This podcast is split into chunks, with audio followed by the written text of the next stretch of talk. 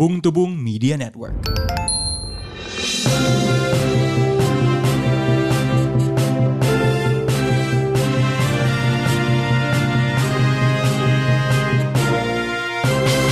Selamat datang kembali di podcast Bung Tubung, podcast berita eh, kapan-kapan.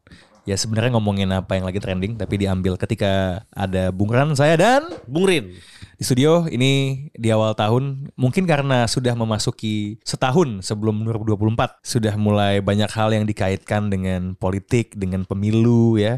Ya. Salah satunya yang cukup menjadi viral adalah wacana kepala desa jabatannya menjadi 9 tahun. Tadi berapa tahun sih? 6 tahun ya? Oh 6 ya? Saya kira malah 4 atau 5 tapi ternyata naik ke 3 ya. Oh, iya, iya. Setelah tahun ya. Ini lumayan ya untuk membangun apa dinasti Desa. desa gitu. Konoha. Ini Iya. pas ya karena Hokage kan sangat suka desa kan. Iya.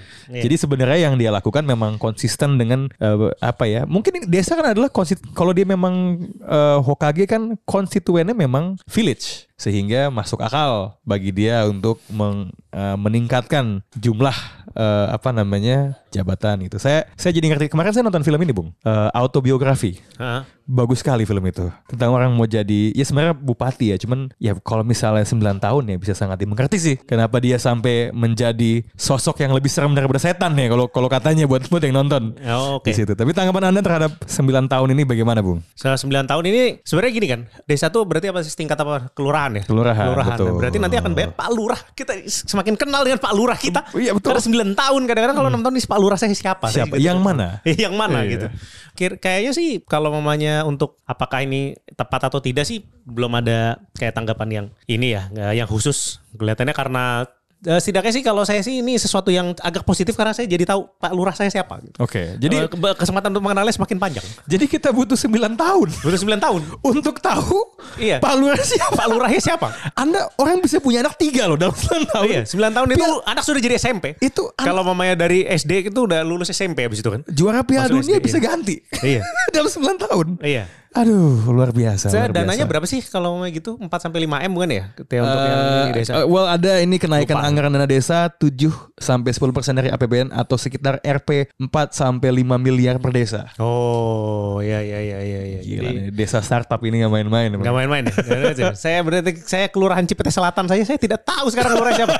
Sudah ganti waktu itu ternyata Iya. tidak kan tidak diumumkan kan tidak tidak ada di TV-TV Iya. Pak Lurah ini siapa gitu loh. Selamat sudah jadi lurah tidak tahu. Saya tahu Pak RT aja. 9 tahun loh itu. 9 tahun, 9 tahun. Gila, akil balik men. Iya. Oke, next up, next up. Eh, ini ada berita, Bung pengusaha Hmm. kenal sosok John LBF tidak? No, yang saya sampai sekarang LBF-nya tuh apa saya tidak tahu. Mending John LBH ya, lembaga Iya. bangun hukum. Ah, iya, iya, LBF-nya tuh namanya nama asli siapa? Henry Kurnia Ardi. Jadi ini trending. Ini dikutip dari fifa.co.id. Dia kan sering banget dibahas di TikTok soalnya kerap muncul menonjolkan kebaikan. Ketika ada orang ya eh, bikin konten memamerkan kebaikan kan kita selalu harus curiga sebenarnya kan ya.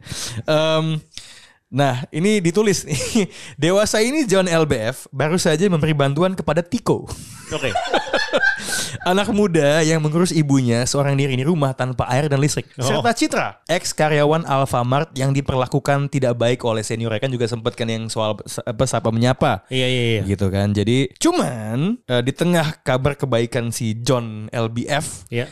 ini ada yang spill bahwa dia itu sebenarnya arogan. Sebenarnya dia suka potong gaji karyawan sesukanya, tapi ya iyalah. Sayangnya waktu potong gaji nggak pernah dikontenin dan pecatin karyawannya, tapi haknya nggak dikeluarin yang seharusnya. Iya. Slip gaji pun nggak pernah ada. Bung pengusaha kaget atau tidak melihat pemberitaan soal John seperti ini? Biasa saja saya lebih penasaran LBFT apa artinya. Kalau ada yang tahu tolong.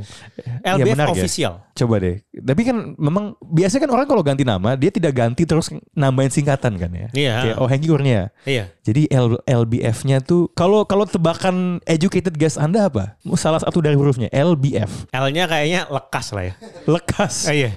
Kalau mamanya nggak tahu saya nih saya apa namanya lagi mencari-cari belum ketemu Atau juga deh. atau mungkin gini aja, Bung. Gimana kalau Bung pengusaha ngasih eh, bonus duit kepada orang yang bisa menemukan? Oh iya, LBF-nya tuh apa? Boleh boleh boleh saya kasih saldo GoPay nanti. saya pengen tahu nih LBF itu apa nih. Ya buat buat satu orang pertama. Ya. Siapa tahu juga si John LBF itu dengan dia ngasih tambahan-tambahan gaji nanti suatu saat nanti bakal ada video eh, dia ngasih nih biaya haji nih buat buat karyawannya gitu. Nah, Iya. ngomong-ngomong soal haji, ini ada polemik. Eh, Ini dikutip dari Kompas Kompas TV polemik biaya haji 2023 membengkak jadi Rp 69 juta. Sebuah angka yang sangat tidak haji ya. 69 ya. Pemerintah diminta untuk meninjau ulang anda sebagai orang yang cukup familiar dengan perislaman perhajian gimana? Ini ini angka yang harusnya kita antisipasi atau atau tidak wajar atau bagaimana? Menurut saya sih kenaikannya cukup signifikan ya. Eh, dan pengelolaan dana haji ini kan juga sebenarnya sesuatu yang nggak bisa diaudit.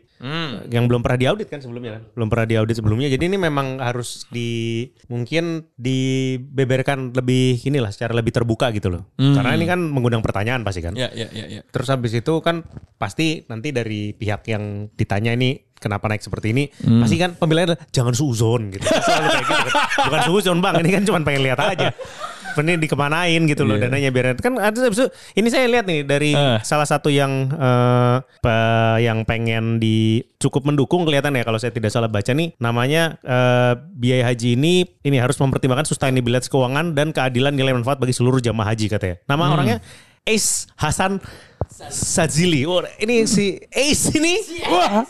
Kena si Kita, Ace. kita mau naik haji ke Marineford ini Iya. kayaknya, Pak. Karena si Ace ini katanya untuk ini apa namanya eh, untuk keadilan jamaah berikut ya. Kalau jamaah berikut tidak bisa berangkat, gimana nih? Oh, Ternyata nih oh, jadi dia klaimnya kayak ada subsidi buat nanti ini berikutnya. kelihatannya Dengan- sih dengan- begitu. Ya jadi maksudnya tanah air maupun di Arab Saudi. Sebenarnya sih ada dua dua poin yang kelihatannya harus dibahas. Itu kan maksudnya 60 jadi 69 juta terus katanya biar eh, ini tapi kelihatan ini juga juga cukup ini ya. Apa namanya juga cukup eh, memudahkan karena kan kalau di Islam itu naik haji bila mampu kan. Iya. Nah kalau mamanya kayak begini jadi ada alasan lagi untuk tidak naik haji karena pemerintahnya tidak mampu.